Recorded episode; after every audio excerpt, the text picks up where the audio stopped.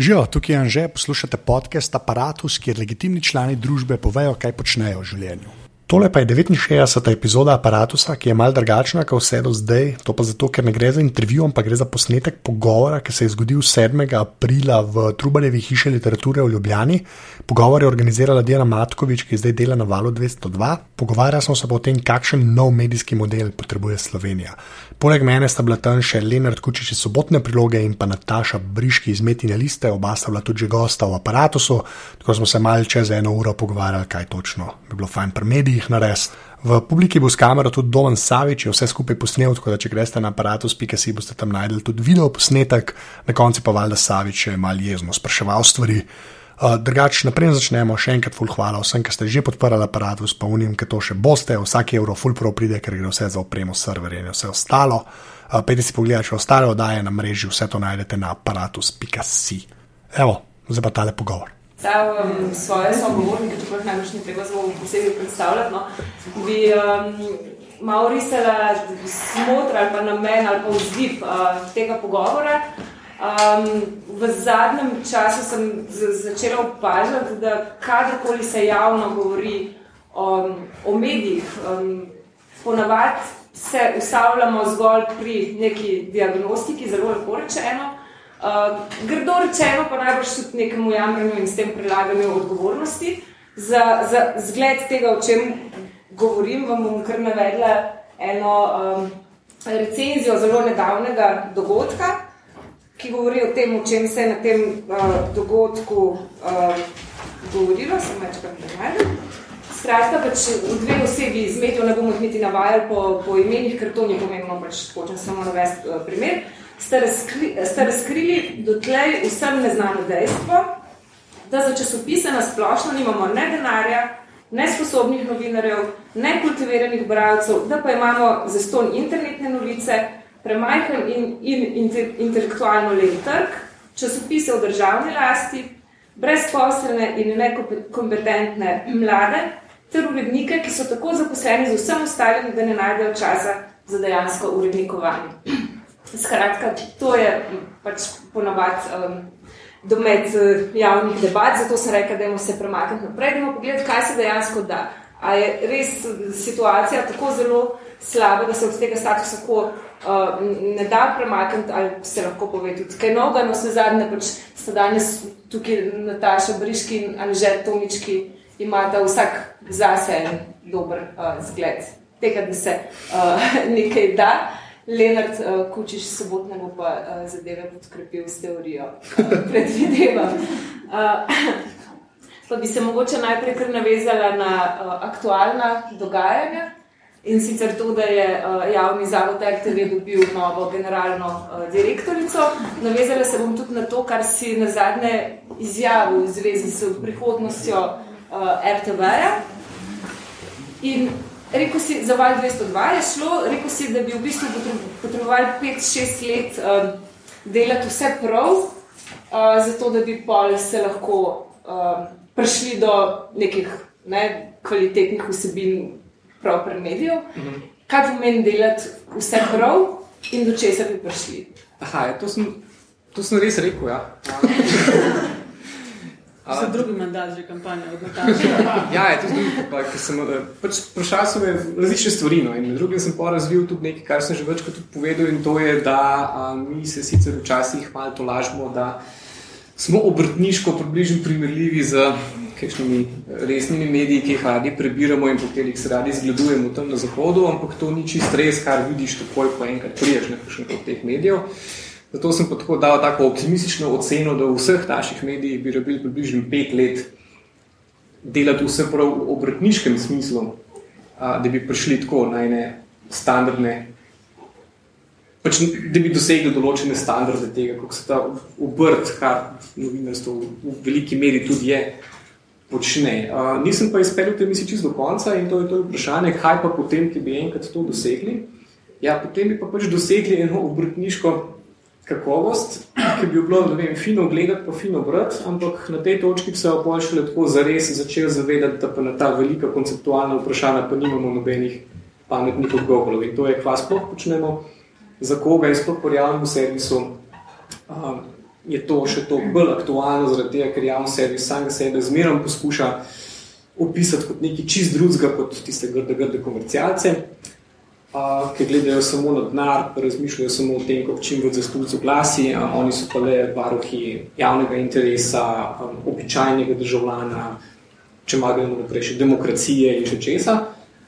Um, kar pa seveda samo obrtništvo tinčke dosti pomaga, zaradi tega, ker ne moremo reči, da recimo britanski Sun ali pa ameriški Fox News nista obrtniško kakovostna. Absolutno sta obvladata produkcijo, obvladata način pripovedovanja, oba sta imenitna tabloida, imenitna podpihovalca preprostih človeških čustev, ki so politično zanimiva ali pa uporabna in hkrati prinaša tudi do znarja, kar ne kar vse štima. Ampak, če bi sama nacionalka prišla do tega, da bi samo to znala delati, bi se prišel lahko začel spraševati, ok, ampak kaj pa razlikuje ta javni servis od samo še ene komercialne televizije, ki nam ponuja dobro sproducirano zabavo. Tukaj bi se pa pa zamišljali to pravo vprašanje začetka. Tega, ker ogromno tega javnega, o kjer mu govoriš, je praktičnega. Češ, uredniki imamo premalo časa, ne znamo razporediti tega, po pet ljudi prihaja na isto tiskovko, mladi so nepismeni seveda, ta stari so neprilagodljivi seveda. Ne znajo internet delati, tudi ne znajo teksta pisati. Mislim tako, na tej obrtniški ravni je fino javno zaradi tega, ker pač je, ki prideš, ki primaš v roke veliko teh izdelkov, vidiš, da ogromno stvari nič nima. Ampak, veš, če bi se pa kar naenkrat vprašali, a je mogoče to poštimati, a je mogoče ne, nekaj krivo tudi to, da ni bilo nobenega prenosa znanja, da vsak honorarski prijem na medij dejansko začne z nul, da se noben z njim zares ne ukvarja. Da so samo urbane legende tiste, ki jih včasih slišiš, veš, da v 70-ih, pa 80-ih, še v 90-ih letih je bilo treba eno novičko tam desetkrat napisati, preden ti je mentor rekel, eno, zdaj pa zaslužiš objavo in podpis z inicijalko po tole preden si sploh prišel do tega, tudi on znije. Pač priješ s faksa, priješ na prakso, ti dajo kamero, ekipo, pa to ne neš televizijsko izpeva. Mogoče lahko še čisto kratka, preden gremo na, na, na drugo temo, a lahko um, neka nova vodilna oseba na čelu te ogromne ladje RTV, katera koli oseba, uh, smer te ladje tudi obrne? Ja, to, bo, to mislim, da se zdaj vsi sprašujemo, zaradi tega, ker um, imamo nekoliko novi direktorci, ki bo pač zdajšnja informacijska pooblaščenka Nataša Pilc-Musar, imamo vsi nekako v glavi, da je ona kar uspešno opravila to dosedanjo vlogo. Zaradi tega, ker informacijski pooblaščenc pred Natašo Pilc-Musar je na papirju izgledal kot samo še en birokratski organ, ki bo služil sam v sebi in najverjetneje ne bo nič pametnega dosegel.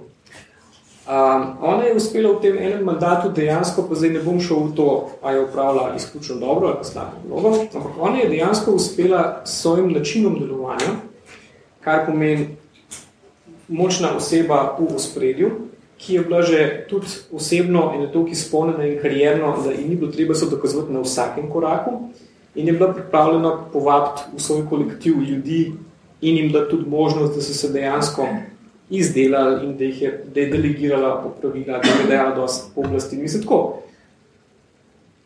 Ta način, ki je bil je dejansko iz tistega organa, ki bi lahko bil zelo nič posebnega, je naredil en organ, ki se ga danes v Sloveniji dejansko mrzdo boji. A, če tako osebo damo na nacionalko, ne vem, prva ideja bi bila absolutno, v primerjavi, če primeriš Nataša pa zdajšnjega filija, bi si rekel, razlike so ogromne.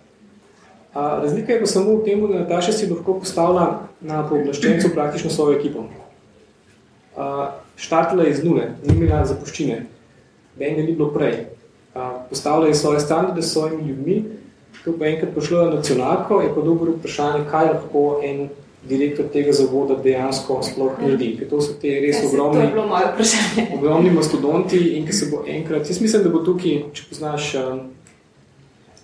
zelo priporočam ogled eh, klasične britanske nanizanke iz 80-ih, humoristične Yes Minister, pa Yes Prime Minister, ki imate ministra in pa imate glavnega uradnika. Pač glavni uradnik skozi da je jasno vedeti, ministri so grejo, imel sem jih že deset pred njim in še deset jih bom imel za njim. In ko bo enkrat prišla Nataša pred ljudi, s katerimi bomo morali delati na nacionalki, bojo po mojem sami taki hamburi. V smislu, imeli smo že teh nataš mnogo, da še kaj še bomo preživeli, tako da kdo bo koga. Okay. Težko bo. Okay, uh, Nataša, že bi v bistvu prihajate, da, recimo, da rečemo na nek način iz tradicionalnih medijev. Ali pa bolj konvencionalnih, vsaj v primerjavi s tem, kar zdaj počnete, čeprav ti zradiš študenti in ti, recimo, alternativnega medija in ti neposrednje uh, komercialnega. Um, kaj je bilo tisto, kar sta pri teh, recimo, zaposlitvah pogrešali, da sta prišla do uh, ideje o vzpostavitvi lastnega medija, pri čemer je najbrž tudi treba vključiti ten um, trenutek samo uresničevanja, sigurno gre tudi za to. Ali? Ali Prednost. um, Sam za sekundu, da se vrnem na tistih 5-6 let, uh, ki ste omenjali, koliko časa je potrebno, da se en medij naredi, pa da se postavi v svojem prostoru. Približno toliko časa je trajalo, da je Pop TV radio uh -huh. najbolj gledan v Sloveniji. Začel se je na način, da smo bili, jaz sem na Pop TV bila od vsega začetka in Od, začel se je tako, da smo bili mlada ekipa, zagnana, eh, kolegi iz nacionalke so na nas gledali na vzdolj, kaj se tega zdaj grejo. Eh, dolg časa zanikali mal, da smo, da se nekaj dela, da se nekaj drugače dela, da se da drugače delati, dokler ni val postal previsok. In uh, je zdaj gledanost približno štirena. Tega, kar je na Popterju in tega, kar je na nacionalki. Ne. Skratka, trajalo je 5-6 let, da so izgubili primar, zelo dolgo pa traja, da se karkoli premakne ne, od teh tankerjev in kaj Nataša lahko čez noč čistnač. Uh, uh, absolutno pa lahko usmeri tanker v eno smer, ki uh, bo mogoče bolj to, kar je v programu napisala neka sodobna radio in televizija. Ne. Uh, Kar se moje eh, karijere preteklosti tiče, jaz eh, sem eh, začela na radiju lokalnem, potem prestopila na to, mislim, prestopila, ni še odlikna od dneven prestop, ne, ampak eh, nadaljevala na eh, televiziji. Zame je prva velika prelomnica bila Amerika, da sem se dva, tri preselila v Združene države in v bistvu je pet let kasneje ena res, res noro dobra kampanja z presežki v mnogo terih pogledih in to je bila 2008 kampanja, kampanja Barack Obama.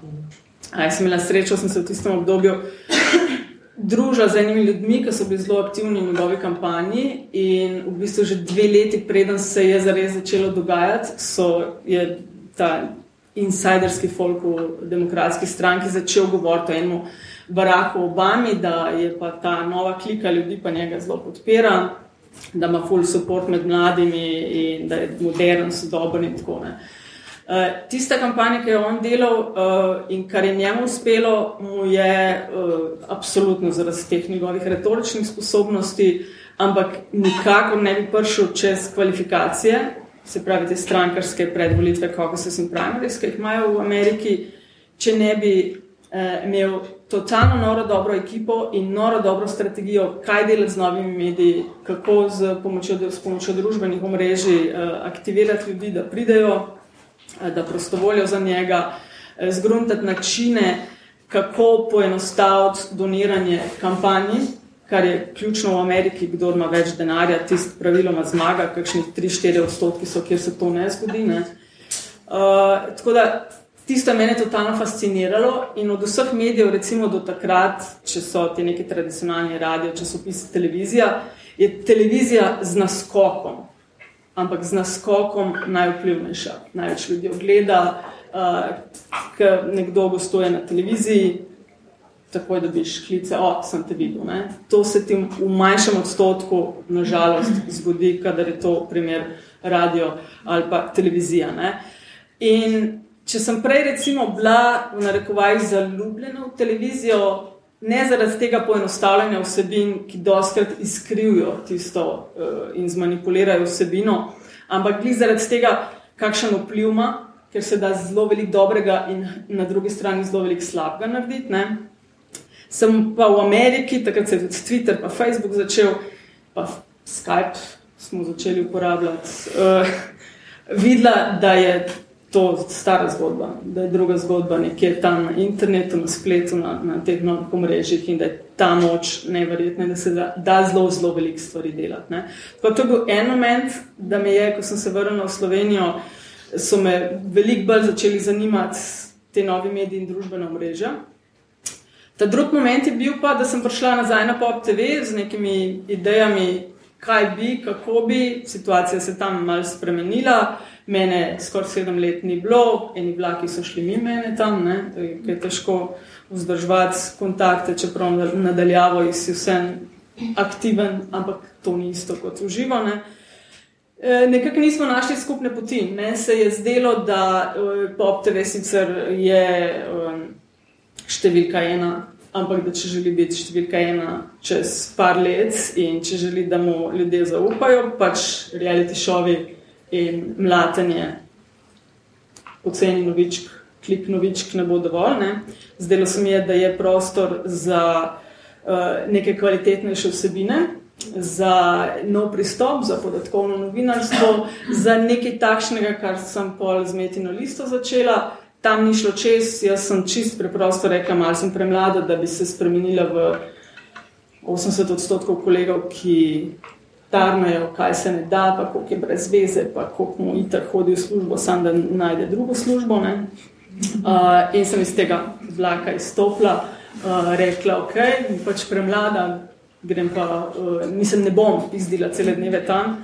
Uh, grem ven iz tega, eh, lahko sem si prvoščila, ker sem pač imela nekaj sredstva uh, na zalogi in se mi je noro dobro zdelo, da bi pa lahko začel delati en medij, kjer bi se objavljalo vsebina, sam to me je zanimalo, kjer bi govorili in pisali ljudje, ki imajo kaj zapovedati. Tega nekega umestnega člena novinarjev uh, ni zaenkrat bilo v planu, oziroma ja, v tej zgodbi podatkovnega novinarstva, ki smo ga delno eh, nakazali pod zmeta analizami, ampak imamo še načrt, to precej širš, vse skupaj razširiti. Okay, se bomo k temu tudi ja. Eh, še, še vrnili. Že isto vprašanje še vedno velja, zakaj je aparatus, zakaj ne, ne vem, mogoče podoben projekt, da rečem znotraj enega drugega okvirja, mogoče radiš, ne? Ne, jaz sem pač ne rešil, sem bil prvo sam radic, pa sem pa videl, da sem tam edini, saj na začetku, pa je bil še ene par ljudi, en tam v zadnji Filip ki smo znali zelo pač klikati kaj na računalniku. Ne. In pa res ta, ta prepad je tam pač rado. Jaz sem pa še z enim, uh, z Matotom, sva, Matoš Gajner, ki je programer, pa špiker tudi na radiju, že ne vem, so pa rekli, da bo pač nov sajt za radio naredila. Ne. Ker je pač tam nobeni delov ne. in to tako pač je. Folk si ponovadi predstavlja vse te. Sploh medije ali organizacije, so neki ljudje, ki strateško razmišljajo o spletu in ne, fudajo neke sajte in imajo plane. In ne vem, to sploh ni res. Ne vem, enkrat neki postavi in pol to stoji. Deset let in dokler se ne pokvari, pač to stoji ne, in se s tem obem skoraj ne obada. In tam je pol ta neka internetna zadeva, tako, jaz sem tam čist predolg rabljal, so ta sajt naredila, ki so ga delala zraven vsega ostalega valjda so rade, ne vem, dve let, pa pol, ne, in so pol izdavali nekaj, kar ni izgledalo, da je iz leta 96, izgleda saj iz leta 2003, pa je bilo to leta 2010, kar je narobe, ampak vseeno nek napredek je bil. Ne. Uh, pa je pa v bistvu me rešuje, jaz sem reš kulirat, ne, pač to to je zmeram, da rečem, je res. Ampak ne rešuje prav, da gre pač folk stran. Reš ni, uh, je sicer neka taka, ni glihljata nosilka, mogoče bolj rušilca ali pa nekaj. Ne. Ampak uh, tam je prav, da folk pač gleda. Takrat, ko sem jaz bil v njih pač 5-6 let, ki sem bil res, ne 3 leta, sem bil res vsak dan tam ali pa 4. Uh, eh, je bila pač neka ekipa, ki je potem, ko uh, sta bila v bistvu in direktor in uh, odgovorni urednik, sta se jim mandat zaključil ne? in sta ona dva šla. Jaz sem še počakal, da smo dali ta sajt ven, ne? pa sem tudi jaz šel, ne? ker so tam neki novi ljudje prišli, ki so hoteli skupaj delati. Tako pač sploh ni bilo res nekega krega, ni neke. Brutalne zgodbe v zadnji. Ne, ne, ne, ne, se ne, sem tako hočem reči, ker zmeraj mi je ta občutek. Me je ta občutek pol stane, da so ljudje zbežali ali pa se je ibr spičili. Pri meni dejansko ni bilo tako. Ampak sem pa šel, pa sem pa pač vse ta cajt, ki sem bil pa na radiju in tudi radio študent stran je tako narejena. Je narejena za podcast, jaz sem se tega ne videl. pač, ne, mislim, to je tam že zdaj tri leta gor. Ne, tega benda morali, razen mene, po nekih pet ljudi, ki je to vprašali. Dejansko se da čisto na vsako oddajo radio še ne naročiti. Pač prek pač RSS-ja, ki logi to iTunes speljali, pa se ni, so vseeno. To je potem plan, za tega pol tam več ni izkoriščal. Jaz imam pa ful pač tudi podcaste, ki jih re- več ali manj sam še to poslušam. In sem pol videl, kako to v bistvu od zunaj delajo. Uh, pa sem se malo pozanimal, uh, pač kar se opreme tiče. Vrsta cajt sem pisal tudi za monitor, kjer pač recenziram, uh, recenziram gadžete. In se videl, da to bi pa pač znal, ne? ker če mi je RSK dal, mi je to dal, da ni strah mikrofona. Ne? Pač kamere videti ne morejo, ne mikrofon je pa tako vse, da je noro. Ne? Hvala, Savič, kaj snimaš. Um, se rekel, bom pač pa proval pač pod, podcaste delati.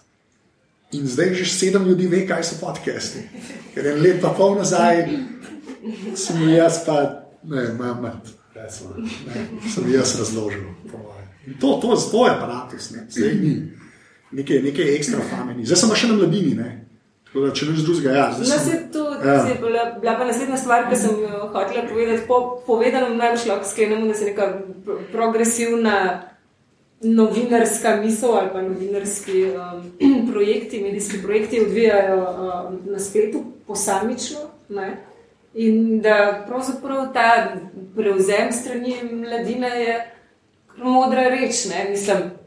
Ja, ne, upam, da sem bom obnesel.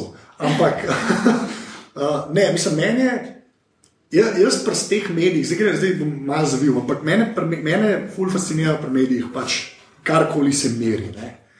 Zdaj, na TV je to gledanost, ne, ki je tako vudu in boljši, da je noro. Ne. To bo Nataša lahko več povedala. No, mislim, Ja, dokler je bil Nilsen, ne, zdaj je boljš. Ampak tako, pač, tam je res ful veliko vudu. Ne. Pa je internet prvi in rekel, da bo vse to rešil, zato da kleze da pa vse meriti. ne. Pa tudi to ni čist res, ne, sploh v Sloveniji, odkar most prevladuje, ne, ki je Sauron. Ne. Pač, to je tudi grozno, ja, no, to je res. Ne, to je, mislim, most, je, most uničuje slovensko novinarsko sceno. Ne. In mene pa zmeraj te zadeve zanimajo ne, in zato pač jaz podcast imam rad. Ne. Ker je pa za, za 2% bolj primerljivo to, kar se meri. Ne. In isto je pa ta mladina, ne. ker je pač tednik, ki ni ta Daily News, ne. ki ga jaz sem od blizu spoznal in mi res ni všeč. Ne. Ker kot je prej Leonard rekel, ne, če je novinarstvo obrt, ne, je unika del Daily News delajo res niso te obrtniki. No. To ni ta folk, to je ful treba ločiti. Jaz, sem zdaj, jaz sem že prej na RS-u to videl, ko sem videl pač proper novinarje, oni ki so bili tam že neki cajt, ki je bil res radijski novinar in je vedel, kaj dela. Zdaj imam ta zegen tudi na mladini spremljati, ne. ker se en Bo- Borod Mekinov en tek zapodi, ne, pa kako cajt gre to res. To je res obrt, ne. to so komunike na koncu meč naredijo, to je ista fona. Ne. Ja, Ja. ja. Hotela sem pravzaprav reči nekaj, da pa mogoče Lenart tebe vprašati, na kak način bi se lahko, da rečem, spet uporabim ta, to besedo, konvencionalni mediji učili od Ja, jaz mislim, da teh, o katerih Ja, govorimo. pa nas je, nas je čisto premalo tega pretoka znanja. Vse konc koncev smo vsi nekoga dali. Na podoben način, kot ti si bil na radiju študent, moja karijera se je tudi začela na enem uh, alternativnem študentskem mediju, ki je v tistih cajtih nastal za Sorošev denar, ki smo dobili tako en par mandlcev, z večino z filofaksa, pa nekaj z FDV-ja, nas je kar naenkrat na enem razpisu dobili kupenega denarja, ki smo ga mogli pač zapraviti, ker smo najbolj ustvarjalno znali. In smo takrat pač ustanovili eno študentsko revijo, smo ji dali ime Zofa. Prvo številko smo naredili, zdaj, kad snemali, ne bom povedal, čisto kako smo jo naredili. Ampak pač bilo je dovoljenih in nedovoljenih substanc in um, 12 ur, ali pa ne več, tudi 24 ur konstantnega dela, ki je vsak napisal stvari pod petimi psevdonimi in ne vem kaj. Skratka, bilo je skrajno zabavno. Mislim, Zelo spomnim se v tistih cajtih, pol ja, brala, ja. ampak to je nekaj najbolj normalnega. Mislim, se novinarske karijere so se od nekdaj začele v takih kalilnicah, tipa študentski mediji, pa to je zaradi tega, so recimo te platforme, da imaš ti od nekje en, en tak denar, ki ti omogoča, da tista leta, ko ti faks ne pobere, glih čist vse energije, zaradi tega, ker ti mora biti ne gre lih za desetke, ampak imaš lahko tudi kaj manj, pa počneš še kaj drugega v življenju, ampak da imaš takrat en prostor, pa ti nekdo da denar, ki ga lahko zapraviš. No, vse to je pa naslednji, ampak In- ne dokončaj. Ja. Tako, no, ampak iz tega, recimo, mene je. Um, Tukaj je pa tista stvar, ki pravimo obrtniška, da jo manjka. Recimo, mene je slučajno v tistih časih um, odkril en urednik, ki je delal nekaj čist drugega na delu, ki je pa imel na tako prijetno rutino in to je, da je enkrat na tri mesece si vzel čas, nabral vse mogoče študentske, alternativne, lokalne in ne vem kakšne medije in jih sistematično prelistal, da je videl, a je slučajno kakšen zanimiv avtor noter. In ga je pol rekel, lej se to nam pa biti manjka, kaj pa če bi tem dali eno šans. In če imaš ta pretok znanja, da imaš ti, ta, mislim, da, da imaš ti človeka, ki je s tem začetnim entuzijazmom se nečesa lot in da pol dejansko ustraja več kot en članek, in da ga pol nekdo iz take medijske industrije opazi, mislim, se isto imajo programeri, se um, programeri tudi ne iščejo, programeri tudi ne iščejo po uh, zaposlitvenih oglasih, ampak grejo tam na open source projekte in če si ti, ne vem, Oracle, Microsoft, ne vem, kaj ti pač obvlad. Imaš ti ljudi, ki gledajo samo na open source projekte in vidijo, kdo nekaj zanimivega programira, pa to ni pa dobiš recimo job.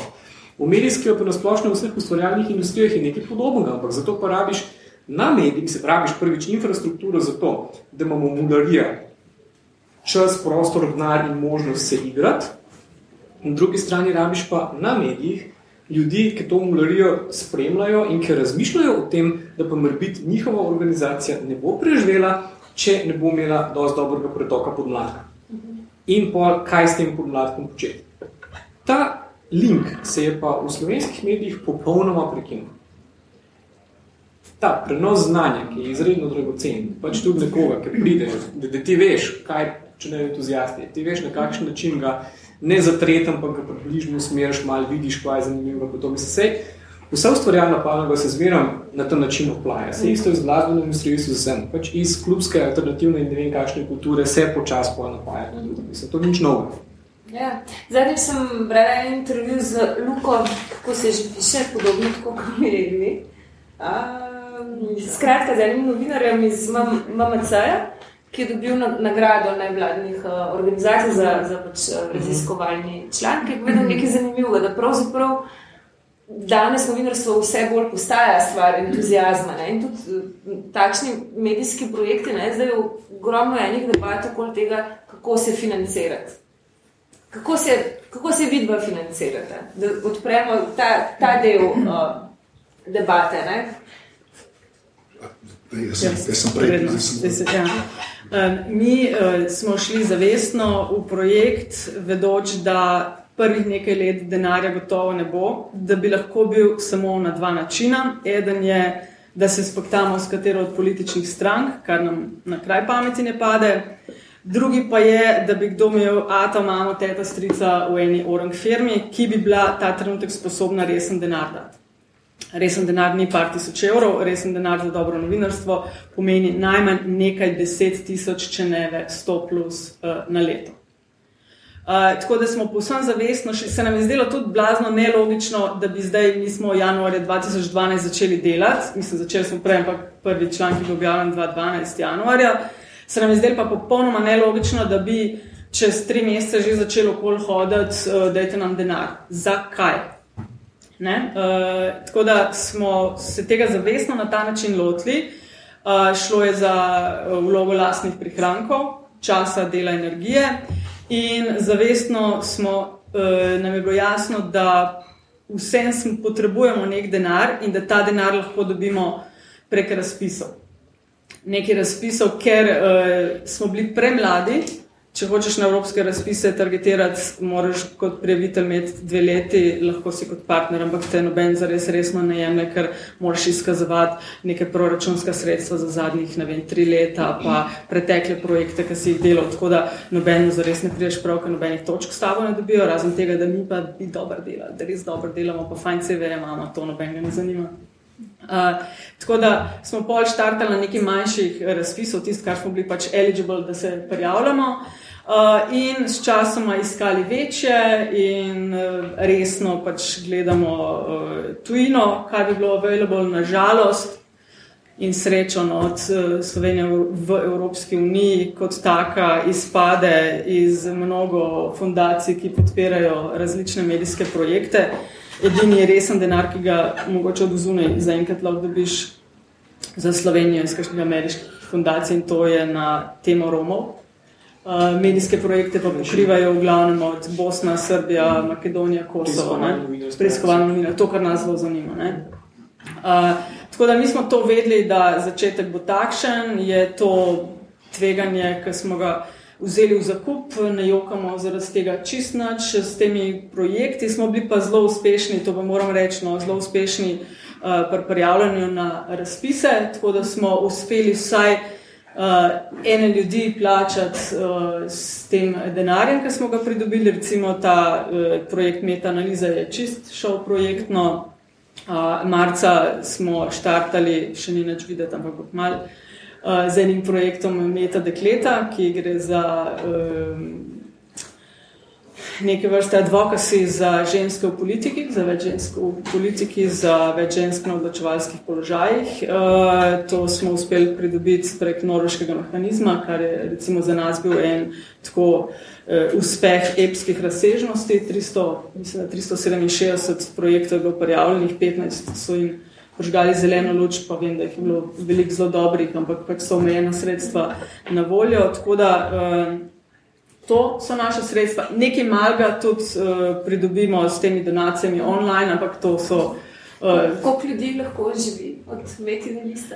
Metina lista je z marcem, s 1. marcem zaposlila dve osebi za polovični čas, uh, vezano na ta projekt. Tako da, ja, tako, giant step za nas. Uh, ampak ni to zdaj, zdaj smo pa safe za naslednjih deset let, far from it. Uh, ampak je pa zelo, zelo dobra.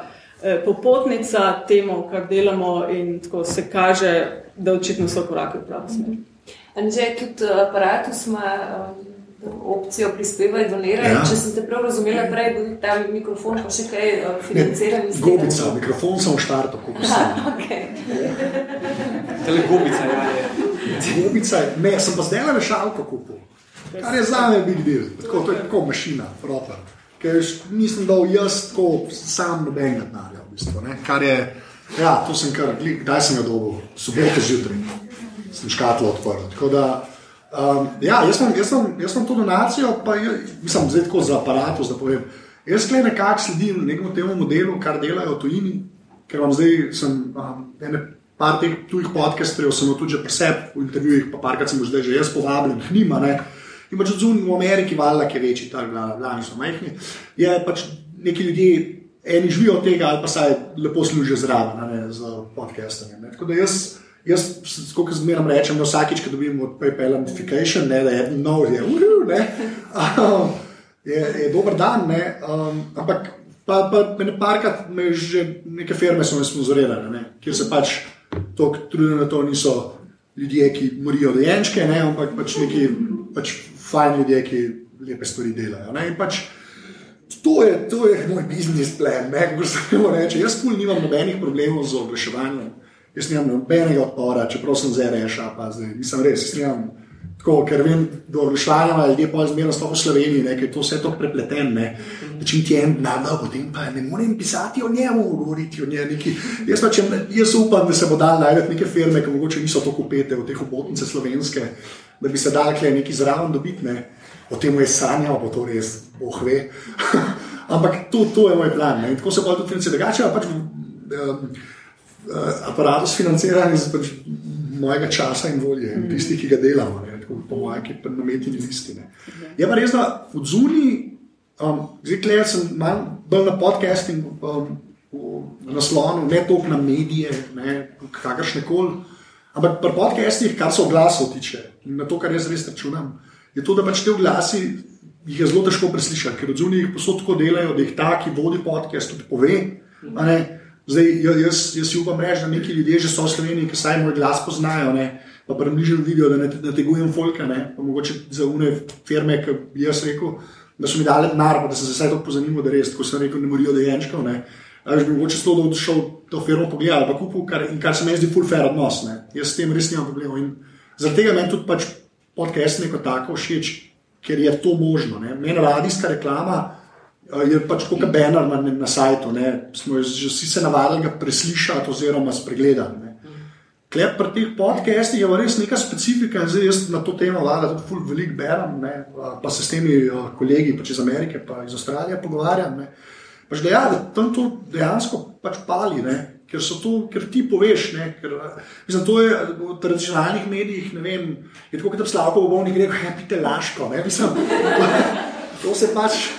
To se, tam, sicer, to se res tam ne sme zgoditi, ne zaradi tega. Ampak pred 30 leti je pa to bilo tako. Če Ja, ja, ne. pogledate v YouTube, recimo, na kakšen način, ka- kakšna so bila ameriška poročila pred 30 Ja. ja. in 40 leti, je pa natanko to.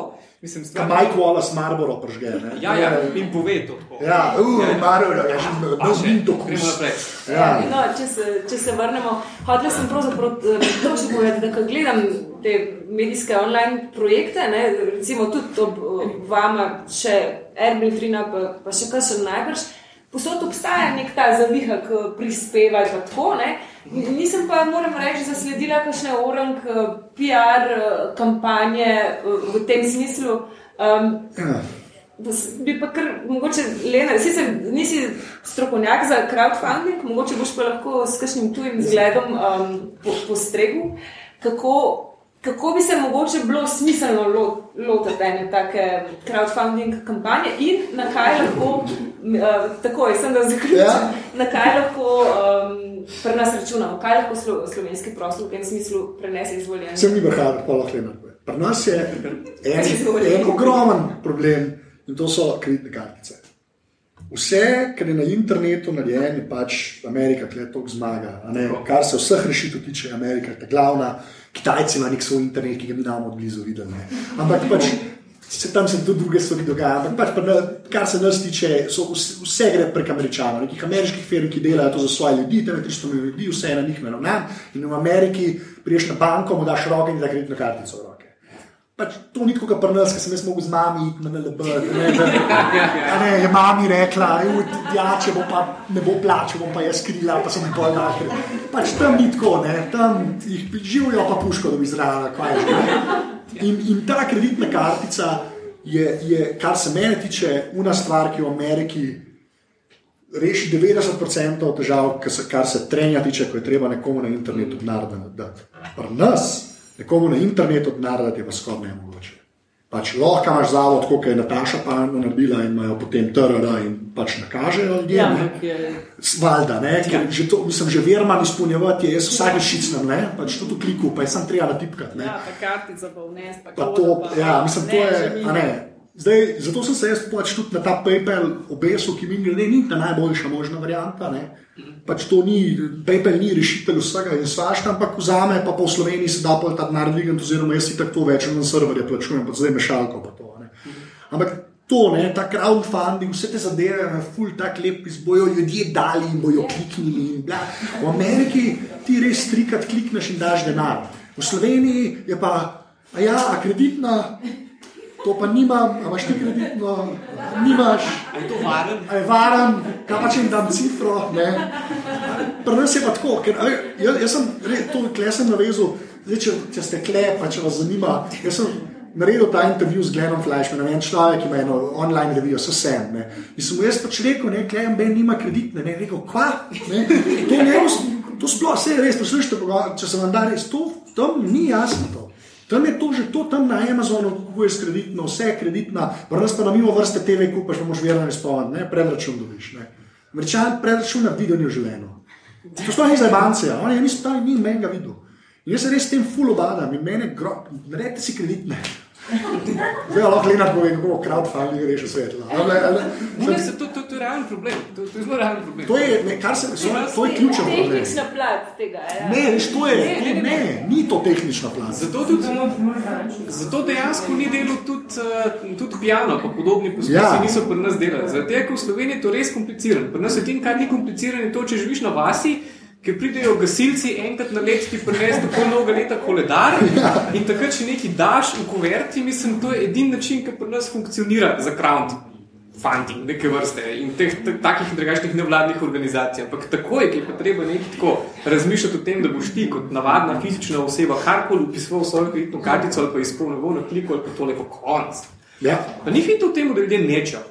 Mislim, Ne, no, Poenostaviti je treba način. ne. To je bilo tisto na začetku, ko sem govorila o Obamove kampanji. ne. Včasih je bilo, če si hotel darovati kampanji, mogo dobiti tisto položnico, iti na pošto, izpolniti, plačati. Ne. Kar so oni naredili, je, da so s tremi kliki ljudem dovolili, da dajo tistih 5, 10, 20 evrov. Ne. In to je tisto, kar bomo to zgruntali za medije, tako isto, kar je za eh, aplikacije kupiti, veš, na telefonu. Mislim, skozi nekaj za en, en evro, en dolar, pa kupaš. Ne? No, ampak recimo predpostavljamo, da bo v eni prihodnosti mogoče Ne, sem to- ta stvar Sorry, samo, veš, mene to, to mene moti, ker pa vsi to pišejo kot tehničen problem. Ne. Ja. Ni, to, je- to je eden temeljnih problemov Ja. medijev v Sloveniji. Je, to, je samo to, ker ni kreditnih, da bi se napajali z, amerišk, z ameriškimi sistemi, ne. oziroma pač ne moreš, folk, folk ne more ti denarja dati. To ni, to ni majhna stvar, tehnična stvar, bojo rešili, to se da rešiti. Kar se mene tiče, je to ta glavna stvar, ki mori, ki mori kakršen koli prihodnost Slovenije. Pa to res, le, zato se lahko pogovarjamo in obrti in kaj se da delati in vse. Ampak to, to se res ne sme dati tako, to se zmeraj da na stran, saj ne, da ti, ampak veš, kako se rekla, ja, to je tehničen. Res ni, no, Ja, to je. Zato, ker seveda, ker ni moje področje. Ker, ker, tako, a veš, to je neka veriga in to je, ja. je drug člen v verigi. In če tega te drugega člena ni, pol lahko ti delaš, mislim, jaz imam lahko 17 podcastov, mi to nam več pomaga. ne. Ja, ampak veš spet zakaj? To je pa spet povezano s tem, ker mediji dejansko niso navajeni se iti direktne prodaje. Ja, okay. Zaradi tega, ker časopisi do leta 89, ki je tukaj bil en drug družben sistem, so bili bolj kot ne stvar neki med državljansko dolžnostjo, kar so ljudje imeli naročen zato, ker se je spodobili, pa kar je imela cela javna uprava, pa kar je imel, to je bil del kompletnega sistema. Uh, komercialni mediji so pa prinesli nekaj čist drugega, ampak to je pa spet. Komercialni medij je velika korporacija, ki se pogovarja z drugimi velikimi korporacijami. Morbet na radijskih postajah se ti lahko greš to, da boš, recimo, če imaš ti lokalno radijsko postajo, ti moraš iti do vsakega lokalnega, ne vem, oštirja, pa pico peka, pa obrtnika, pa tizga, ki šlaufa gume, pa se tukaj pogovarjati o tem, kva bo dugo, zakaj, mislim, kva ti bo dal, pa kva boš ti dal nazaj. Ampak Če se pogovarjamo na pop TV, to je pa big business na big business. Mislim, to se vse gre na, prek agencij, prek velikih podjetij, prek multinacionalk, ki imajo za celo regijo narejen media planning in recimo vem, Johnson Johnson in podobni pač točno vejo, kako bojo v Sloveniji ponudili za kjer je medije. In ti si samo infrastruktura, da vse to nekako pretakaš. Ti se s tem ne ukvarjaš. Če si pa ti majhen, se točno s tem moš ukvarjati. Ampak mi enostavno, in to ti bojo povedali tudi vsi, ki se grejo v Sloveniji, in samostojno podjetništvo, in samozaposlenost v kulturi, in malo in srednjo podjetništvo, in to ti bojo rekli, da enostavno mi nimamo infrastrukture, ki bi omogočala en, za ta tip gospodarstva minimalno birokratskih omejitev in prost pretok denarja. Torej, to ni majhen problem. Mediji, seveda, ker, kot rečeno, mi majhnih medijev praktično nismo imeli. Lokalni mediji so bili vezani, to je bil- ponovadi ali časopis ali pa radio vezan na občino. Kar pomeni, spet si imel, Korpa v medijih. spet si imel postavljeno infrastrukturo. Nacionalka se financira z mehkim davkom. To je prispevek. Prispevek je davek, obvezni. je. Kakorkoli ga obrneš, lahko mu ne rečeš davek, ampak v bistvu je mehak davek. Še kakšne stroške na tem? Ja, 40 zaposlenih, pa 6 milijonov na leto. eto. So stroški pobirane prispevke. Tako, mislim, če imaš, pa- če si pa ti tukaj one man Ti band, ne moreš, ti to, če želiš, ne moreš plačati prispevka enkrat. Da rečeš ti samo enkrat na leto Ja. plačati cel prispevek. Ne, ker oni ti morajo vsak mesec poslati vložiti. Ja, zato recimo, ampak spet, tukaj bi dve stvari. Uh, tukaj lahko obravnavamo medije v okviru enega fine buzzworda, ki se mu reče ustvarjalna industrija. Okay. Mediji kot ena od teh številnih panog. Ampak to je ta mikropodjetništvo uh, na vsebinah, na prosti izmenjavi tega, da pač me nekaj všeč, pa financiram po, po svoji želji. Mislim pač, to je nekaj, kar, to so kickstarteri in podobne stvari. To je nekaj, če imaš ti en tak ekosistem ustvarjalnega podjetništva, mehkega, mikrorazpršenega in tako, da pač lahko vsak z dobro idejo načeloma preživi. Pri nas tega ni. Pri nas najbližji tej ideji so vaški obrtniki. Ker pač To, delujejo. to je res. ja, Okay, Imaš vaške obrtnike, imaš javni sektor in imaš velike korporacije, vmes ni nič. Na podlagi povedanega pol pomeni, da ta, te crowdfunding opcije za zdaj vse dokler teh ne zgolj tehničnih eh, težav. Ne, Ja, pa, ne pa še kultura. so. Pa je pa še kultura dejanja. Recimo, mi tukaj, Ja. mi tukaj Ameriko skozi neki tlalerjamo. Amerika je prvakinja v teh charities. Ampak v Ameriki lahko charities mrski. To je, v Ameriki je charities na podoben način kot cerkev samo ena od oblik. ne to- Recimo, ne vem, če se ti v Ameriki registriraš kot cerkev ali pa kot charity, je približno tako, kot če pri nas razmišljaš, da bi bil SP ali DO. Veš, lahko si karkoli. Gre samo za to, da ima ali pa zavod.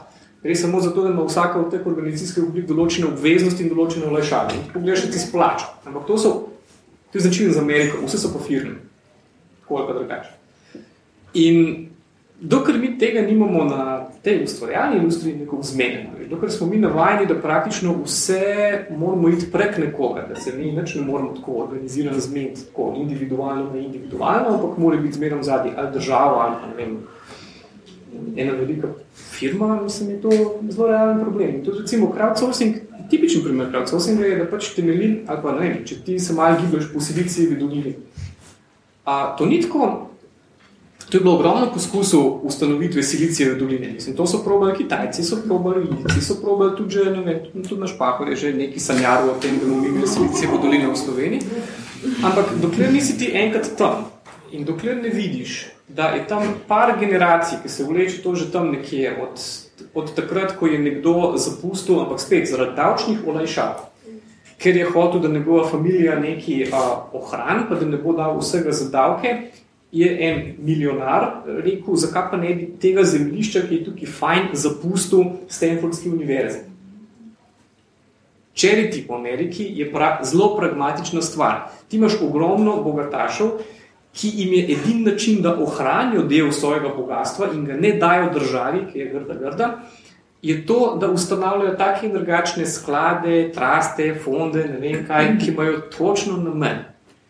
In to je način tudi postavljanja spomenikov. Če sem jaz milijarder in ne vem, sem star 70 let, pa me tam en rak začne grist, pa imam tam en par skreganih potomcev, pa nekako nečem tega narediti in mislim, če si rečem, da je pa meni tako, ali, ali, mi ali mi je všeč, ne vem, zborovska glasba, ali pa hočem ki v časopisih brati in pogrešam raziskovalno novinarstvo, je pač tam 500 mm. milijonov v sklad, ki bo financiral no, preiskovalno novinarske mlade projekte. Ja, to je ful, ful pomembno, kar praviš. Mislim, poleg te stvari, ki je uh, Anže rekel, ne se pravi poenostaviti, ne tehnično, ampak sicer način, da ljudje lahko dajo, je Eh, in to mislim, da bo nekaj, kar bo zelo težkega in bo trajalo še dolga, dolga leta, navaditi ljudi, da uh, če jim je nekaj kul, cool, da to podprejo s svojim denarjem in ne čakajo, da bo to neka država ali ne vem kdo, ker ne bo.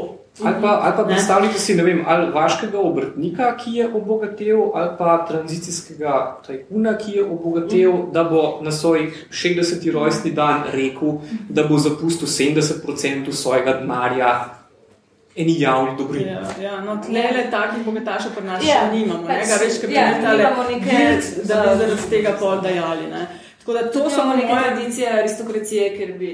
Ja, ja po mojem sta tako dve velike stvari. Pohodlja se, se nekaj drugega, uh, eno hipotetično vprašanje. A imamo v Sloveniji tri novinarje ali pa urednika, ki bi s svojim imenom recimo se izpostavili in na ta način um, dobili interes neke uh, publike, mogoče lahko celo približno ocenimo, koliko tudi kritične mase, ki bi bila pripravljena financirati nek projekt, kot po, po pri, uh, zgled ta nizozemskega časopisa, o katerem si pisal, mogoče, če greš malo v to uh, zgodbo. Ne. Remains the same. Težko, ali pa če kar po vrsti, no, imamo tri, štiri novinarje, urednike, ali pa enega, no, ne vem.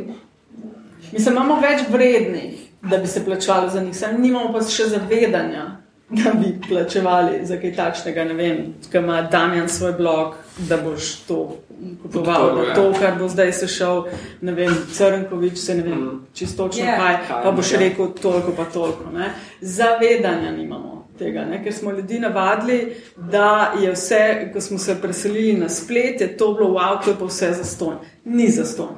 Isto stane in dobre stvari stanejo najmanj toliko, kot prej televizija, radio, časopis. Isto ur dela še več, verjetno, uh, in isto drago je. Ne? Ampak, ko smo selili vsebine na splet, je od tiste fascinacije selitve in kaj vse se da, smo pozabili, uh, na ta element. Pa še na enega ne pustili smo komentirati, prosto, da bi še to sta za me dve zelo taki stvari. No, ampak da je ti. Ja, imamo neko izmerljivo vrednost slovenskih uh, novinarjev. To, to, to, to mi da na idejo. Ja. Na to je eno to je prvih vprašanj, to je na kakšen način se ta medijska podjetja oplajajo z mladimi potone. Tukaj je še ena pomembna razlika in to je, da um, mi nimamo občutka, da so ljudje naložba. Recimo, mi, uh, mi dobimo enega mladega študenta, honorarca, karkoli, ki je obetaven. In edini korak, ki ga naredimo, je, da ga morda iz honorarnega dela na alternativnem mediju spravimo na honorarno delo na malce večjem mediju. Posledaj se tam stvar ustavi. Zelo malo je verjetno, da bo ta oseba dejansko na tistem mediju, kamor pride, imela možnost nekaj narediti, nekaj napredovati. To pač pri nas ni ene osnovne ideje, da a, je treba ljudi vzgajati in da za vsako tako stvar rabiš čas in da vsak rab dobivati nove izzive, nove priložnosti in nove odgovornosti, če se hoče izdelati. In pri nas je izdelo en tak zelo, isto kot pravi zdaj z internetom, pri nas je izdelo poslovni model, dejansko mediji na, na ravni kadrovske politike imajo poslovni model, da je pocen nadomestljivih honorarcev neskončno mnogo.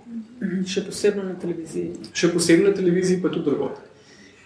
In ker nismo na trgu in ker bistveno boljši, to, to so pa te avtori, o kateri govoriš, ker pač zvezdniški, bistveno boljši, pa ne vem kakšni avtori se pri nas pač ne prevajajo v bistveno boljše poslovne rezultate in ali več družbenega vpliva, so potem dejansko tudi medijske podjetja veš, v momentu, ko nekdo rata predraga ali pa preveč svoje glavo ali pa ne vem, kaj ga je najlažje nadomestiti s poceni honoracij.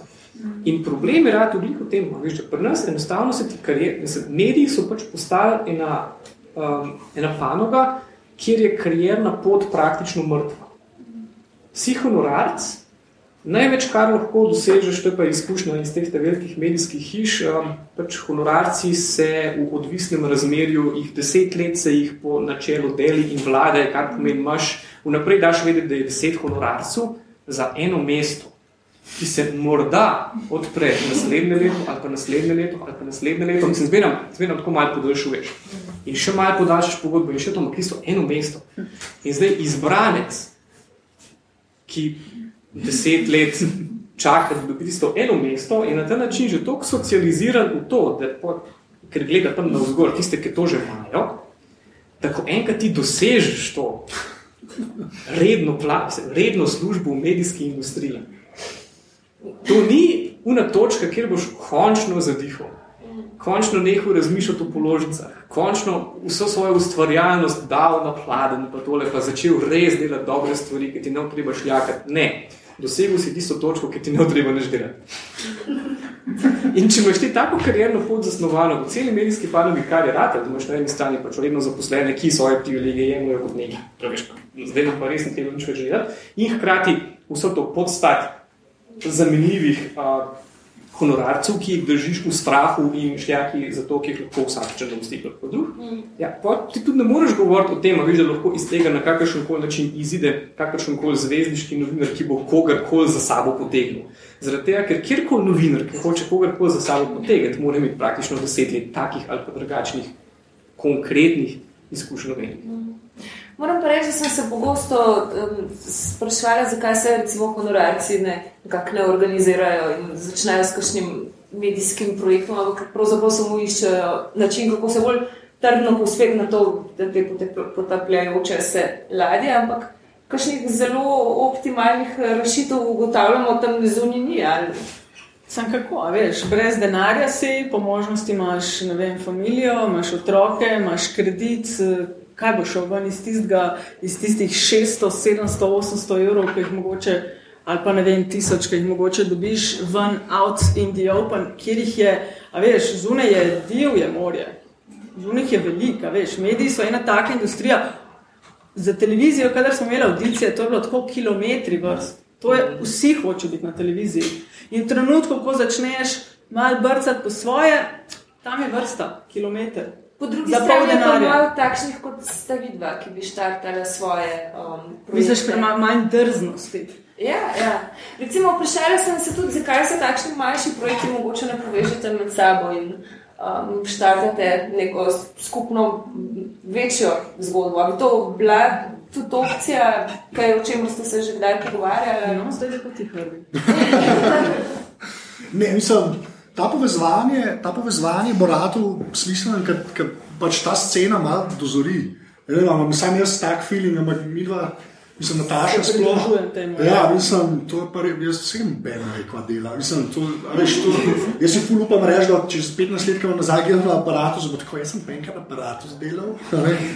Veš, pa bo to tako neka taka, veš, uh, ful se mi zdi še tako early times, no. A veš, da klebo, jaz pa ne, veš, mi tudi na osnovu govorimo o medijih kot nekem takmu monolitu. Ja, ja, ja. A veš, to, kar je metina list, ali pa to, kar je aparatus, ne, ali pa to, kar Anže hoče delati, ne, s podčrto. Um, Ga imamo tukaj, ga imamo. Ja. ja, To niti, a veš, jaz imam problem tudi jaz, mediji. Mislim, a veš, kad ti rečeš mediji, imaš v mislih neke redakcije, neke novinarje, ljudi, ki prihajajo delati, ki grejo pokrivati skovke, ki neke, vsak dan neke novičke vam dajo. To mi nismo, to ni niti ne naš cilj. a veš. Ja. Nas, nas zanimajo zelo butične stvari, ki se jih mogoče v nekih segmentih, kakšni mediji igrajo. ne. To, da jaz, a veš, mediji, mi tudi nismo registrirani kot mediji. ne. Je pa tukaj ena dobra novica. okay. Ja, Dej eno dobro. gledati malo tako začel padati. Ne, ne, ne, ne. A, Tom Stendič, medijski zgodovinar, tak, a, trenutno je, mislim, da je digitalni urednik Economista, je izdal a, konec lanskega leta eno tako zelo zabavno knjigo, ki sem jo kar prebral, in sicer Social Media prvih 2000 let. Tega mi je Flashman omenil, sam povem. Ja, sorry. okay. Pač social medija prvih 2000 let. In on tam postaja tako, začne pri Ciceru, pa pri Rimljanih, pa to pa kaže, kakšen neverjeten social media sistem so imeli takrat. Pa če greš brati recimo grafite, ki so bili ohranjeni v Pompejih, zato ker drugod pač niso bili, ker grafiti so razmeroma občutljiva stvar, ampak Pompeji, ki so jih pa pač v vulkanih pokrili s plevelom in, in, plebelom in se je vse krasno ohranilo, ampak ki so, od, ki so lepo od a, tiste grafite začeli gledati, so ugotovili, presenečenje, presenečenje, da so eh, pač prebivalci Pompejev počeli na tistih grafitih zelo podobno, kot danes lahko preberemo na Facebook volih. Niso bili čisto nič bolj globoki in čisto nič bolj plitvi. Kako je to dobra novica? Čakaj. In, in, in njegov, njegov point je samo v tem, da če vzameš medijsko zgodovino, ki mi se gremo. Mislim, Mi, ko govorimo o medijih, ko govorimo o resnici o množičnih medijih in ko govorimo o novinarstvu, govorimo o novinarstvu od nekje 60-ih, 70-ih let prejšnjega stoletja, ko je stvar pač postala množično medijska, pa je to postal profesionalni poklic, pa so začele fakultete odpirati katedre za novinarstvo, pa tole to stolet nazaj ni obstajalo. To ni bil poklic ampak dejavnost, ki jo je počela pač kdorkoli. No, in v glavnem, on, če vzameš tako, da vzameš malo daljšo časovno perspektivo, konkretno ni vzel 2000 let, je ugotovil, da media have always been social. Kar pomeni, mediji so zmeraj bili to, kar te dva delata, ne to, kar dela moja organizacija. In da to, kar imamo danes za medije in medijsko industrijo, je tisto, kar ne bi bilo danes v krizi, je pač posledičil samo ena taka kratkotrajna zgodovinska anomalija in da v resnici se tako ali pa drugače, čez malo več, pa malo manj časa, dejansko vračamo v čase, kjer bi bili mediji tole. Dobra novica. Ja, dobro. Okay. Po, po tem bomo morali preskočiti temo, pa bomo šli malo na vsebine. Um, en zanimivejših intervjujev, ki sem jih brala v zadnjem času, ti si mi ga poslal, slučajno, um, bil je z Adamom Curtisom, um, človekom, ki dela dokumentarce za, za BBC.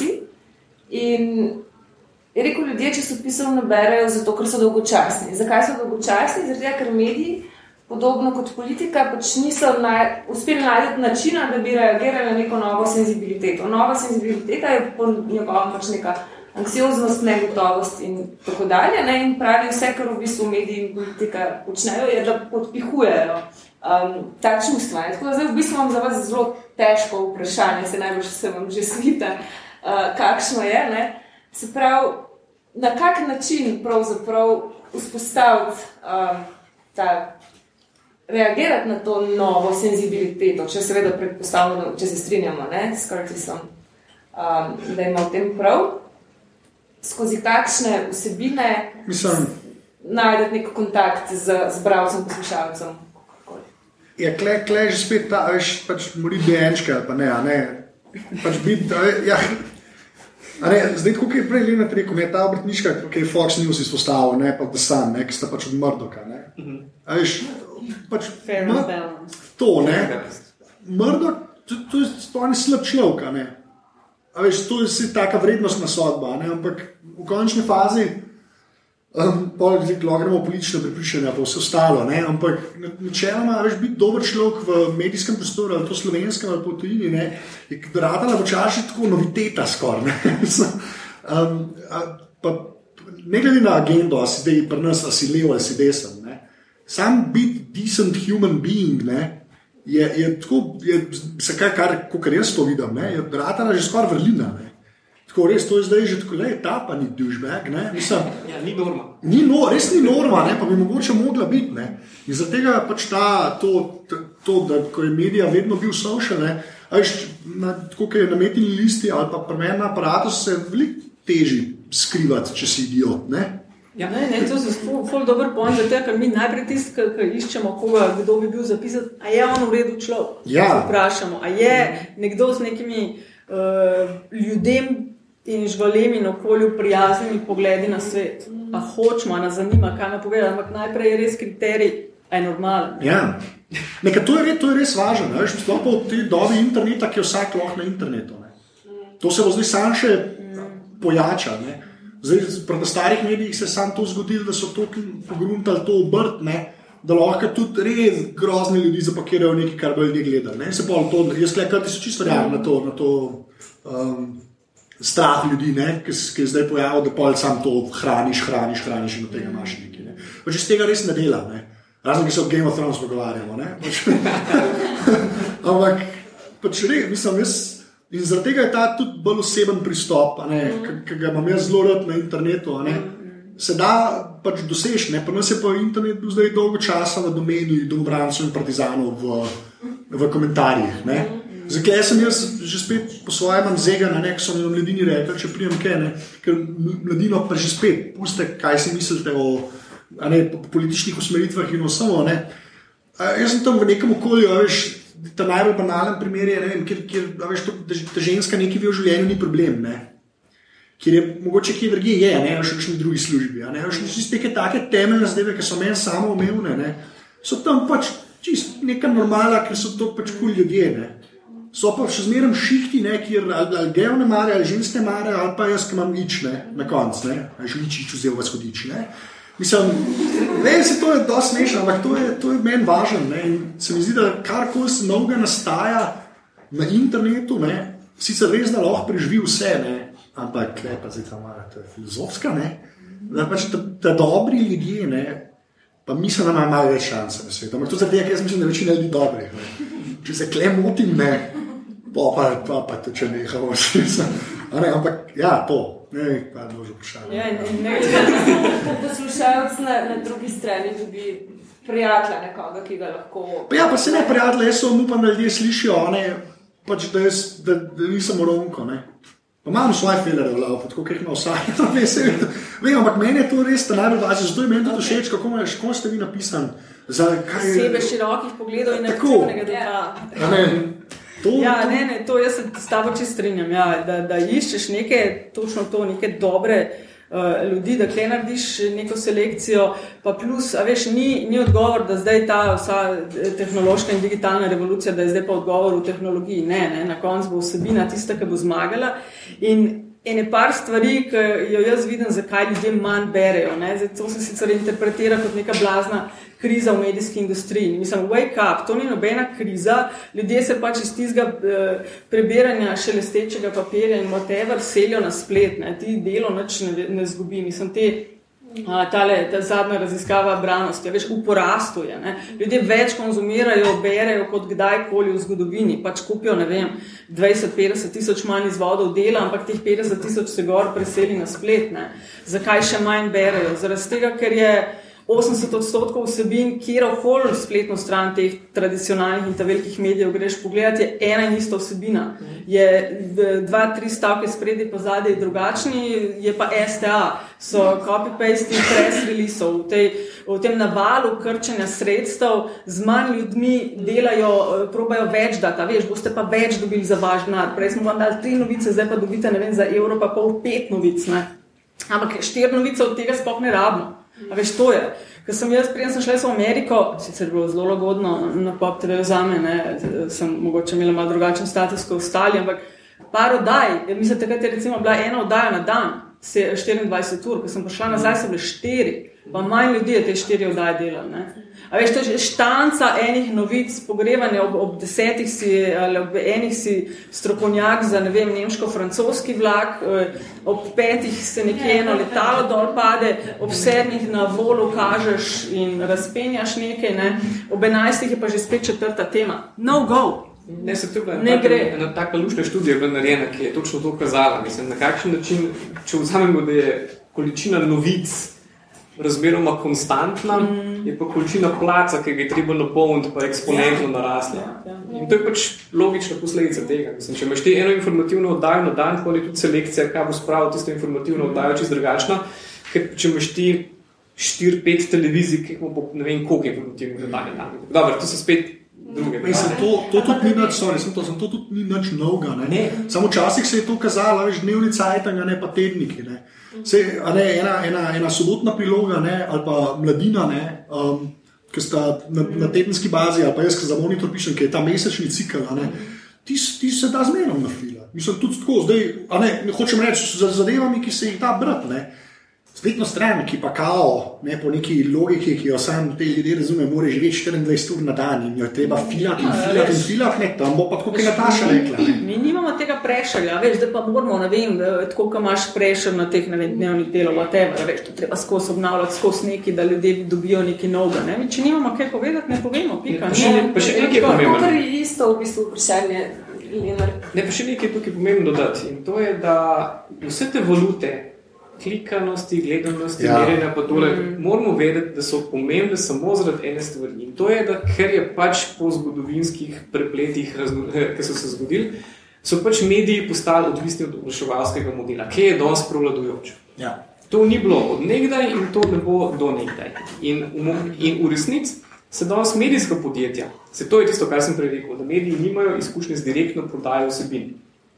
Mi ne govorimo res, mislim, gledanost ne pomeni gledalcev, doseg ne pomeni bralcev, klikanost ne pomeni bralcev. v resnici. To so samo statistični podatki, ki so izmenjevalna valuta ja. med medijsko panogo in oglaševalsko panogo. Da pač oglaševalci rabijo ene številke, s katerimi upravičijo to, da dajo toliko denarja v ta medij in ne v un medij, mediji rabijo ene številke, da pripričajo oglaševalce, da dajo to. Bralci so tukaj čista kolaterala. Z bralci se realno v zadnjih desetletjih v medijih noben res ne ukvarja. In to je tisto, kar pač vidijo taki mehki projekti, ki so pa točno to. Če ti nimaš, če, če vidi, da nimate konkretnega bralca, ni. Nas ni. Pa, pa, še- pa, pa, nobenih še kreditne, pa, pa še kreditne pridejo. To pa res, to, pa, pa samo do tega priješ. Pa, pa še unka ti hoče dati denar, jaz maile dobivam, jaz pa nimam kreditne. Ja, ti lahko nakažem. Ja.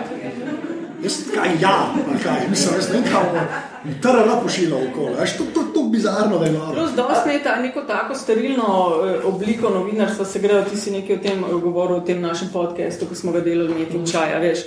Uh, ti zares ne dobiš nekih mnen v, v medijih, veš. Uh, nimaš časopisa Medija z jajci, ki bi rekel, ne, to s to uravnoteženostjo.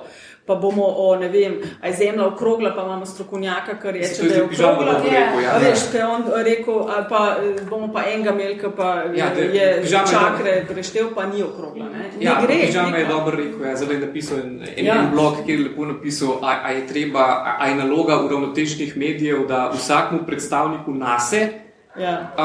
s- to zraven vsakega predstavnika nase v studio posedemo še a, zagovornika ploščate zemlje.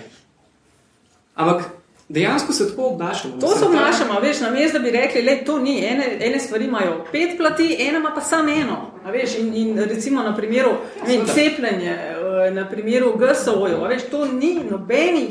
eh, Strokovnjaki se nič ne skregajo med sabo. To je ne, bistveno manj, kot Bistveno manj, kot se prikazuje. a Veš. Ti imaš pa, ne vem, če imaš eno uro oddajo, imaš pol ure nekoga, ki je za, pol ure nekoga, ki je proti. Ne? In pol imaš razne komate, a veš, ki so navajeni to nastopati in, in mečejo iz sebe tiste soundbite in ker prazna flaša najbolj doni, se jih seveda najbolj sliši. Ja, pa isto, recimo, daš geovsko problematiko, daš tako, Ja. ja. daš na eni strani Linčiča, na drugi strani pa geovskega aktivista. Veš, to se nam zdi računaš, zelo da, pomembno. in računaš, da, Ja, bo, ja. ja. da bo geomet- geometrična ali pa aritmetična sredina enega in drugega, Ja. pa ne vem, realnost taka. Zadela Zeitgeist. Ja. To ne gre. Vse to je Tega ne bomo logično, delali. zakaj to delajo. ne? Ja, seveda je logično, zakaj. pač postavili- ker so pač postavili model medijev na oglaševanje in ker skušajo dobiti tiste, ki so za in ki so proti. Ne? In to nima veze z javnostjo, to ima veze pač s financiranjem. Tako kot ima veze s financiranjem to, da pač ti ne boš v Sloveniji nikoli, ampak res nikoli dugu denarja od podjetij za preiskovalno novinarstvo, ker ti bo vsaka firma rekla, ja, sam fakt, ne, kaj pa če k nam pridejo. Kaj pa če bodo, nam, kaj pa, če bodo nas začeli preiskovati? Bomo zdaj financirali nekaj, kar bo pol nas potencialno ugrizalo v, v rit. Ne? In, in se to utopično, mislim, ta problemiza je tako malo, malo smo, se mi zdi tako ful overseller ste jo čist s tem, s tem citatom. Se tako pogovarjamo, pač, nismo si odgovorili na vprašanje, kaj je funkcija medijev v Sloveniji, ali pa kaj je funkcija medijev v klepaju v Sloveniji. Tega noben ne ve, tega tudi mi ne vemo. Tega Jaz sem vi ne veste, mogoče noben ne to trenutek, da, da povem, da je to prvi uvodni pogovor na to temo in da se bo nadaljeval um, 19. maja s celodnevnim dogodkom v Kino Šiška, na katerega že zdaj vabim. Ta S druga tem, da stvar, ki da je- poveš do konca, pa bomo je, pač ne vemo, ne vemo ne, kaj je funkcija, ne vemo, kdo bo to konzumiral. Ne. Kdo je pač, koga imaš pred sabo, ko pišeš te zadeve. Ne. In ali pa resno pričakuješ, če imaš nek izdelan profil, ne, da je tega profila toliko, da boš s tem profilom financiral celoten medij. Ne, se pravi, da imamo neke razgledane, da imamo neke ne vem kakšne, ne vem kakšne. MZIN je pred kratkim ugotovil, da pač dobijo premalo denarja od države oziroma z razpisov in da se Soglasje. splača izdajati pač tega časnika, ki ne bi ga brala intelektualna elita in tako naprej. Po drugi strani najbolj bran časopis, 10-20 let je, ne bom ga niti omenil, ker je totalno debilen v Sloveniji. Ampak zakaj se prodaja? Zaradi tega, ker imajo pač jasno razdeljeno ciljno branost in ker strežejo tem potrebam tem bralcem. Ne? In ker ti bralci to razumejo in plačujejo ti se evro 20 za. Se to, samo oni so si jih dolgo cajta nabirali. Ja. Ali što, klej jaz pol malo upam, ne, da ker pač lahko iz nule enkrat začneš, ne, tako kot z aparatusom. Ali pa zmetijo, jaz imam v glavi enega človeka, ki mu to govorim. Ne. Je pa res, da pač tam pokrijo. Pač, ne, sploh v bistvu, ne, jaz sploh ne vem, kva bi rekel, da je aparatus v končni fazi. Ne. Ampak saj, kar se teme, pa duha aparatusa tiče, to pa vrni že malo eno predstavo. Ne. In jaz pač globoko upam, da je dosti teh ljudi, ali pa da je dosti tudi oglaševalcev, ki bi hoteli tem ljudem um, oglaševati. ne. A še tako, ta meni je spet ta, je pa zato, ker imajo oglaševalce, da bodo boji prodajali. Ne. Ta, to je meni preveč posplošeno. Jaz, če se že gleda naprej, jaz res, tako sem tam rekel, z oglaševanjem, mene panike. Je pa res, da se oglaševanje da prav delati, pa narobe delati. Ne. Ne Vem, ampak recimo, da pridejo v tebi in rečejo, da je 10 tisoč evrov, ampak boš naredil eno oddajo o chemtrailih, da je to ful slabo. Da, je ful, da so Mogoče, slabi. mogoče lahko to nadaljujemo Ja. ja. tudi uh, zasebno, pa bo mogoče še kdo, ko smo vprašali, ali bi kaj pripomnil, Da uh, sem dodal Savič. fusnoto. No, še res smešno. Nekaj mi je tako, no, ker se mi zdi, da, da je ta glavni problem pri medijih ravno to, da imamo v Sloveniji, kot je Lena prepovedal, ta zgodovinski problem, da so bili mediji tle od nekdaj pač del partije oziroma del te uh, infrastrukture politične in da se je čez konzumiralo to ideologijo in da imamo potem zdaj v, v tem tržnem kapitalizmu oziroma v tem tržnem, tržni ekonomiji problem, da ne znamo, da, da se ne zavedamo, da je informacija pač produkt, ki ga je treba prodati, in na drugi strani produkt, ki ga je treba kupiti. In da tle ni neke razsvetljene, tihe večine, ki zdaj samo čaka, da bo pa zdaj pa uh, prišla v, v, v Sokratovo jamo, oziroma v katero jamo že in se tam pogovarjala blazne stvari. Ampak je tle pač ljudje, ki konzumirajo neko vsebino, oziroma ki hočejo pač v nekem spektru zadev, ki jih počnejo v življenju, dobiti še neke medije, ki jih bodo gladili, gladili pod dlaki in ne kontra dlaki. Ne?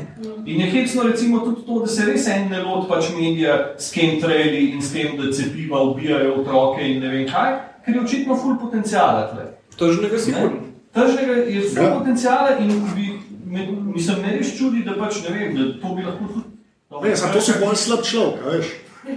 Si Jaz si slab človek, zato ker to ni res. Ne. Daš Okej. okay. tisto, kar hoče. Okay, to, je- res tema, to je res tema, ki se, ki se kar plasti. Slaba. Pardon. Hočem povedati, da je to res tema, ki se plasti in odpira na vse strani in zelo malo lahko v resnici v eni uri ali koliko časa se že pogovarjamo, povemo, zato bomo kot rečeno uh, nadaljevali. Za danes bi se vam uh, zahvalila Um, in vam želim lep večer, še naprej, pa hvala tudi uh, gostom.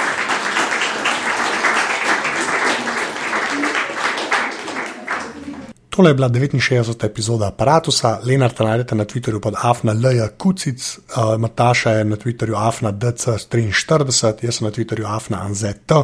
Tešte nam tam, oziroma lahko meni pošljete mail tudi na anzeafnaaparatus.si. Še enkrat pa ful hvala vsem, ki ste že podprli aparatus in nunim, ki to še boste, ker res vsak evro prav pride. Tako da res še enkrat ful, ful hvala. Uh, to je do naslednjega tedna to. Čau!